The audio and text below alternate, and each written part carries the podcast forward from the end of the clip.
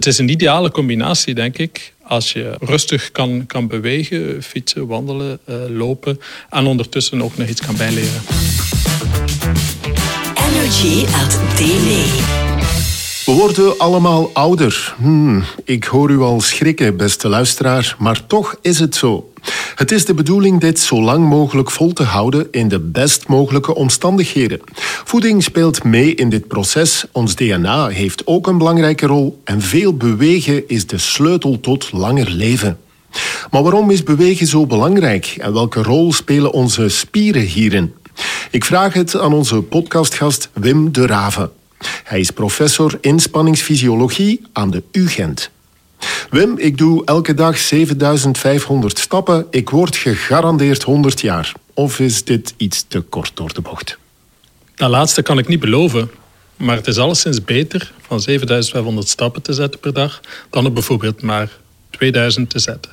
Omdat we weten dat, en dat is voor veel mensen bekend, een uh, bewegingsactief leven eigenlijk uh, een bescherming biedt voor heel wat chronische ziektes.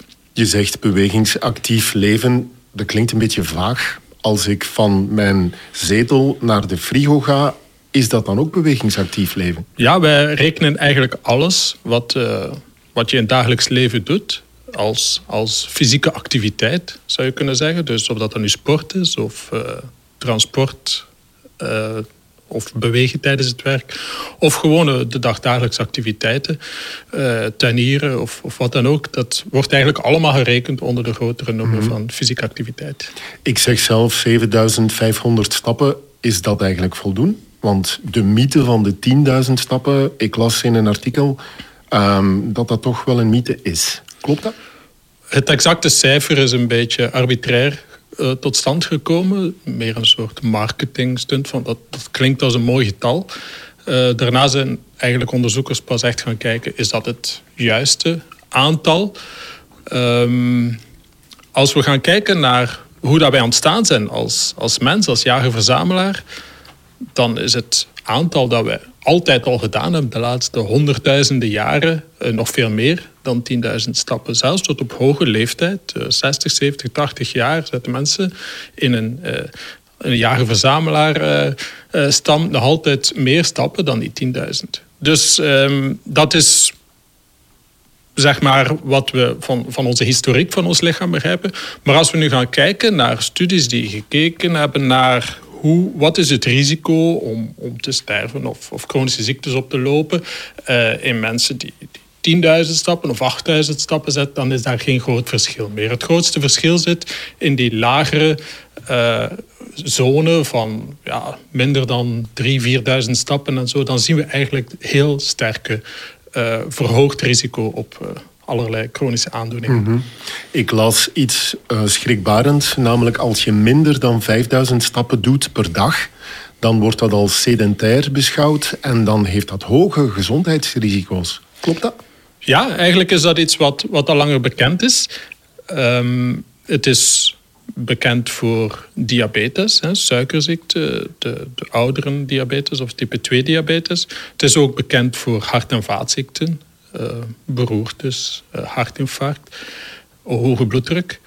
Maar nu zien we toch wel dat ook voor heel wat andere aandoeningen, uh, zoals bijvoorbeeld dementie, kanker, dat er eigenlijk ook een beschermend effect is van een actieve levensstijl op het risico op verkrijgen van die ziektes. Dus eigenlijk als je te weinig actief bent, heeft dat hoge gezondheidsrisico's. Dan mogen we gerust zeggen. Ja, uh, men heeft eerst gezien dat dat, uh, men noemt dat epidemiologische studies, die dan eigenlijk gaan kijken naar uh, wat is het risico van mensen die, die zoveel bewegen of zoveel bewegen. Maar men is dan ook dat gaan inzetten in onderzoek als een soort medicijn. Mensen die niet bewegen, dan eigenlijk gaan um, in een bewegingsprogramma zetten aan een controlegroep, hè, die dan eigenlijk een, zeg maar een, geen interventie krijgt. En heeft men een gezien, soort van AB-testing Ja, net zoals je bij medicijnen zou doen. Uh, en dan ziet men effectief dat bijvoorbeeld de bloeddruk zakt. Dat bijvoorbeeld uw suikerspiegel beter gecontroleerd is als je in een bewegingsprogramma stapt. Men heeft zelfs gezien onlangs dat uh, bijvoorbeeld de, het verkleinen van bepaalde delen van uw hersenen die tijdens dementie uh, plaatsvinden, dat ook dat deel kan tegengewerkt worden door bijvoorbeeld uh, in een programma te stappen waarbij je drie keer per week een uurtje gaat wandelen. -hmm. Maar bewegen is eigenlijk, ik vind dat heel algemeen bewegen. Wat is bewegen dan? Hoe definieer jij dan beweging? En uh, wat zijn die belangrijkste redenen om te bewegen? Je hebt er een paar genoemd. Maar zijn er ook gewoon andere redenen om te bewegen? Laten we beginnen met hoe definieer je bewegen? Wel, uh, dat is eigenlijk zoals ik zei, de, de fysieke activiteit, zou ik maar zeggen, waar we heel breed gaan kijken naar alle vormen van uh, lichamelijke inspanning. Maar dat hoeft niet noodzakelijk voor het sport te zijn. Dat kan ook uh, een, een veel ja, bredere interpretatie zijn, zeg maar, maar van bewegen. Uh, als we natuurlijk gaan onderzoeken wat is het effect van bewegen, is het wel heel vaak dat we dan een soort programma of een, een soort interventie opzetten waarbij we mensen vragen om voortaan uh, zoveel uh, stappen per dag te zetten of, of een, uh, een al, allerlei interventies te doen zodanig dat je aan een meer actief leven komt. Hoe definieer je sportief bewegen en hoe definieer je niet sportief bewegen? Dat, dat is ook wel een belangrijke, denk ik. Het is zo dat we bij, bij de onderscheid daartussen vooral kijken, ja, doe je dat in je vrije tijd met de bedoeling als recreatie, zou ik maar zeggen, of doe je dat als onderdeel van je eh, dagelijkse taken, zou maar zeggen. Dat gaan huishoudelijke taken, maar dat kan ook je werksituatie zijn. Um, hoe erg is het gesteld met de gezondheid van de Vlaming in het algemeen? Eh, hoe hoog is die nood aan een programma om meer te bewegen? Eigenlijk als we kijken naar, de, naar onze historiek, zijn we altijd heel actief geweest. Het is misschien niet helemaal uh, zo duidelijk voor iedereen, maar wij zijn als uh, mens, apen, de meest actieve soort van, van, van allemaal.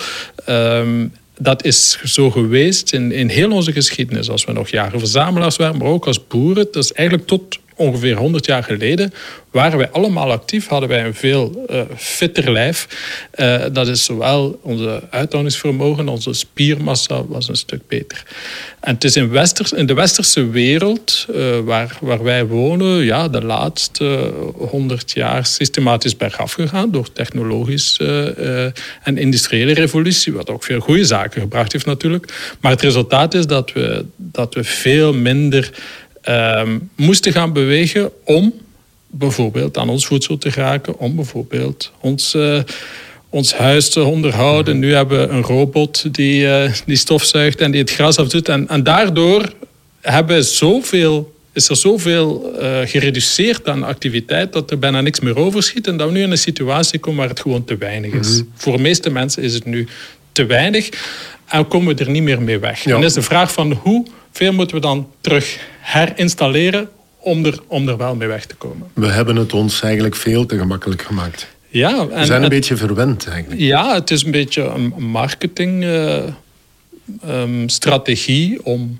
als iets minder moeite kost of als iets uh, ja, geen zweet meer oplevert, dat het dan eigenlijk uh, verkoopt. Hè. Dus dat je, dat je zegt van oh, je, dit is veel gemakkelijker. Je hoeft nu niet meer te, te puffen en te zweten. En, en, en dit wordt allemaal voor jou gedaan. Uh, dat klinkt zeer verleidelijk. Hè? En nu mm -hmm. beseffen dat we daar uh, te ver in doorgeslagen zijn. Ja, te ver in doorgeslagen. Het is een beetje paradoxaal dat je je auto neemt om naar de fitness te gaan, om dan te bewegen, om dan terug in je auto te stappen en dan in de zetel te ploffen. Exact. Ik denk dat we het soms te ver zoeken. Um, begrijp me niet verkeerd, ik ben zeker niet tegen, tegen fitnesscentra, want er is ook zoiets als het hele sociale aspect. En we kunnen, je gaat, spreekt af met vrienden en ja, je gaat iets gaan doen enzovoort. Uh, dus ik ga dat zeker niet onderschatten. Maar het is wel zo dat de oplossing, soms veel dichterbij ligt dan, dan we denken. Hè. En... Laten we dat heel praktisch maken. Kan je hier praktische tips geven? Want volgens mij zit die eerste stap, of naar meer bewegen, zit dat in je hoofd. Het gaat over een, een soort um, jezelf gewoontes opleggen om um, bepaalde dingen niet op een passieve manier te doen. Voor mij heb ik zelf uh, kleine regels. Als iets minder dan een kilometer is, uh, ga ik het te voet doen. Als het minder dan vijf is, ga ik het met de fiets doen enzovoort. Als er, uh, als er een, een volgende verdieping moet genomen worden, en dat is één, twee, drie verdiepingen. Ik ben ook ik hou niet van liften, maar, maar los daarvan, leg je zelf een soort uh, ja, discipline op om te zeggen: ik ga um, die, die regels, zal ik maar zeggen, voor jezelf aannemen. Wat het veel makkelijker maakt, omdat er dan eigenlijk al een aantal automatismen in je leven zitten en dat je niet constant zegt. Uh, we herinneren ons dan nog van, van in corona. Je komt opeens s'avonds uh, kijken naar stappenteller. Je hebt maar 1500 stappen gezet en je de hele dag geteamst. En uh, dan moet je echt nog inspanning doen. Oké, dan ga ik iets gaan zoeken, zal ik maar zeggen, om, om toch nog aan mijn beweging te komen. Eigenlijk moet je dat al vermijden. Je zou moeten door normaal te leven en een aantal gewoontes eigenlijk in te bouwen, uh, sowieso al aan een, aan een redelijk actief leven te komen. Ja, je, je verhoogt je bewegingsvrijheid. Maar dat is niet voor iedereen, want bij DEME zijn er veel collega's die op schepen zitten, zitten en die eigenlijk weinig bewegingsvrijheid hebben. Die kunnen niet uh, in zee springen plots. Hoe verhogen zij die bewegingsvrijheid? Kan je hen daar tips over geven? Want ik hoor het dan al zeggen, ja, ja, tuurlijk, gemakkelijk gezegd van die Wim de Raven. Maar ik zit hier. Ja, ik denk dat, dat in het geval van, van Deme dat, dat, dat het inderdaad een heel, heel terechte bezorgdheid is en dat er ook heel wat initiatieven genomen worden, zoals dit, dit initiatief. Um, maar het is inderdaad ook de, de taak van, van de werkgever om te zorgen dat er die mogelijkheden zijn. Hè, dat er dus uh, uh, dat je kan fietsen op rollen, dat je uh, fitnesscenter hebt. we zijn ermee bezig. Okay. Energy LD is de naam van dat programma. Ja, absoluut. En ik denk, denk inderdaad dat we dat dit bevestigt dat, uh, dat die uh, werkgever daar uh, belang aan hecht en beseft dat daar, dat daar iets moet gebeuren. En dat is volop bezig en ik, ik kan dat alleen maar toejuichen. Maar kun je dan praktische tips geven hoe je meer bewegingsvrijheid krijgt op een schip bijvoorbeeld? Ja, probeer um, toch en misschien best ook in, in sociaal verband, zou ik maar zeggen. Het, uh, of dat je nu op een schip zit, of dat je thuis zit of op een bureau. Als je een soort uh, sportbuddy hebt of zo, waarmee dat je elkaar eigenlijk een beetje aanzet, afspraken maakt. Soms heb je helemaal geen zin om, om sportkleren aan te trekken.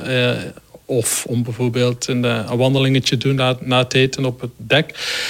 dan denk ik dat het soms goed is van van een compagnon te hebben of meerdere compagnons die elkaar eigenlijk stimuleren als de ene geen zin heeft en de andere juist wel. Een andere tip is misschien om naar deze podcast te luisteren terwijl je wandelt op het dek. Absoluut. Ja, uh, ik ben zelf geen podcast uh, um, fanaat. Om, maar... Oei Wim, je zit er nee. Ja, ik weet het. Ik ga mezelf nog moeten... Uh, maar ik heb juist AirPods gekocht, dus ik, ik heb me nu voorgenomen om, om meer effectief ook te, te luisteren.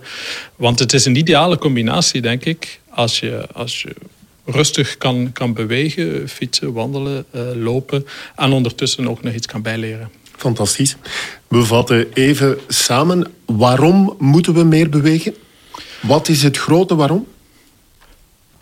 Het is zo dat we, dat we eigenlijk altijd als mens heel actief geweest zijn en dat ons lichaam eigenlijk die beweging nodig heeft, omdat het altijd normaal gevonden heeft. Als we daar nu uh, te veel van afwijken, dan begint ons lichaam te sputteren op heel veel gebied. En dat zijn de verschillende organen die allemaal uh, van een oren beginnen maken. En dat is eigenlijk wat we nu zien. Want het is een beetje raar dat, dat beweging zo'n soort uh, precies wonderpil is die voor zoveel verschillende uh, ziektes een medicijn kan zijn. Maar dat is ehm, te verklaren door het feit dat het altijd onderdeel geweest is van ons, van ons zijn, zou ik maar zeggen. En dat het nu plots wegvalt en dat we daar niet tegen kunnen. We weten dat heel, nog veel extremer dan op een schip zitten. Dus bijvoorbeeld in de ruimte zitten. Daar heb je helemaal geen bewegingsmogelijkheden. Daar is ook een fitnesscenter. Niet omdat ze zich daar vervelen, maar gewoon omdat ons lichaam dat echt nodig heeft uh, om, om eigenlijk te kunnen uh, die spieren gebruiken. Want dat spieren uh, zetten dan eigenlijk al die andere organen ook op scherp. Wim, je vertelt dit uiteraard niet zomaar. Jij hebt hier onderzoek naar gedaan. Jij hebt met een heel team naar beweging en het nut van meer bewegen onderzoek gedaan. Wat is jouw top 5 hierin? Welke bevindingen heb jij gedistilleerd uit alle theorieën en praktijk? En kan je die top 5 van onze luisteraars meegeven? Ja, ten eerste is het zo dat ook al was het al heel lang bekend dat bewegen een uh, gezondheidsvoordeel oplevert, is het nu zo dat wij als wetenschappers beginnen begrijpen hoe dat komt, wat het mechanisme is. We beseffen nu dat het echt een soort medicijn is dat kan ingezet worden.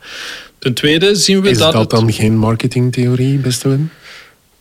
Um, je zou dat zo kunnen noemen, maar het gaat eigenlijk gewoon over het mechanisme blootleggen um, die het gewoon veel sterker maakt om bewegen als een soort alternatief te zien voor, voor medicatie of, of andere uh, ja, interventies. Dus we kunnen, wij beschouwen het echt als iets wat je kan inzetten actief uh, in preventie van ziektes. Let op, disclaimer. Bewegen is gewoon bewegen. Stappen, u voortschrijden. Niet sportieve doelen behalen of marathons beginnen lopen. Daar, gaan we, daar spreken we niet over. We spreken over dat bewegen. Dat zit er wel in. Hè? Maar uh, dat, dat hoeft niet zo te zijn. Dus je hoeft niet, oei, ik sport nooit, dus ik ben slecht bezig. Het gaat over het volledige pakket. Maar als dat voor jou werkt, en dat is eigenlijk mijn, mijn tweede tip, wat voor jou werkt, dat moet je proberen doen. De ene die, die sport graag, de andere doet dat helemaal niet. Uh, als je, in corona moest iedereen gaan wandelen en, uh, en als, je, als je dat haat, begin dat niet te doen. Dus zoek iets dat voor jezelf past Soms betekent dat ook dat je moet investeren in nieuwe zaken. Ik, ik bijvoorbeeld zoek nu een nieuwe lifetime sport. Ik leer tennissen. Ja, dat vraagt wat tijd. Wanneer je dat kan, dan ben ik weer voor 20 jaar vertrokken. Om, uh, om daar eigenlijk veel plezier aan te hebben. Dus doe dingen die je graag doet. Uh, is het tweede. Het derde, zoals ik daarnet zei, uh, zoek iets of een compagnon waarmee dat je zaken kan doen. En als die compagnon een hondje is, is dat ook goed. Um, iemand die eigenlijk aanzet om, om, om dagelijks die, die, uh, die bewegingsdoelen te halen. Um, dan, omdat je het er straks had over uh, marathon. Dat kan zeker en vast een goede zaak zijn om je bepaalde uh, sportieve doelen te stellen. Als, als je dat motiveert, daar moet je wel rekening houden dat je moet uh, luisteren naar je lichaam. Die, dat lichaam geeft constant signalen, uh, waarbij dat je uh, ook normaal gezien, als je naar die signalen luistert, het risico om in het rood te gaan of, of te ver te gaan, eigenlijk gaat, gaat verminderen. Het laatste, ja, ik, ik, ik zeg dat je, dat je uiteindelijk voor iedereen uh, dat, er wel, dat er wel iets in zit. Dat je dus niet moet uh, je slecht voelen als je bijvoorbeeld uh, niet van het sportieve type bent of zo. Dat je gewoon eigenlijk voor, voor elk soort van lichaamsbeweging, ehm, dat er eigenlijk wel mogelijkheden zijn, zelfs als je op een schip zit, om een actieve levensstijl te halen. Kunnen we daar een minimum aantal stappen op plakken ook? Van hoeveel moet je er minimaal doen? Wel, men heeft die, die stappendoelen een beetje bijgesteld, zal ik maar zeggen. Nu zegt men eerder 8000 stappen per dag en voor oudere mensen 6000. Uh, maar ik ben niet zo'n een fan van dat absolute aantal. Omdat je dan op het einde van de dag met een schuldgevoel zit enzovoort. En we moeten al zoveel en we moeten ook nog eens stappen uh, zetten. en dus ik zou het zeggen dat je, die stappen wel kan gebruiken als je dat motiveert, hè, als dat iets voor jou is. Uh, maar uh, probeer dat vooral met gezond verstand te be benaderen en dat eigenlijk al eerder als een soort indicatie te zien voor als je een keer heel passieve dagen hebt. Meestal, bij mezelf is het zo dat ik dat zelfs merk zonder zo'n teller, dat ik, uh, dat ik eigenlijk ja, te, te stram en te stroef wordt en, en te veel gezeten heb. En eh, dan begin ik automatisch eh, te zoeken naar manieren om meer te bewegen. Oké, okay. ik gooi er nog een slotquote tegenaan. Bewegen is? Gezond. Dankjewel Wim voor deze waardevolle inzichten. We hebben veel geleerd over het belang van beweging en gezondheid. En bedankt aan onze luisteraars voor het afstemmen op deze aflevering van Energy at Deme. Blijf zeker eh, surfen naar die Deme On Air, want daar staan nog podcasts voor je klaar. In elk geval, dankjewel om te luisteren en tot de volgende.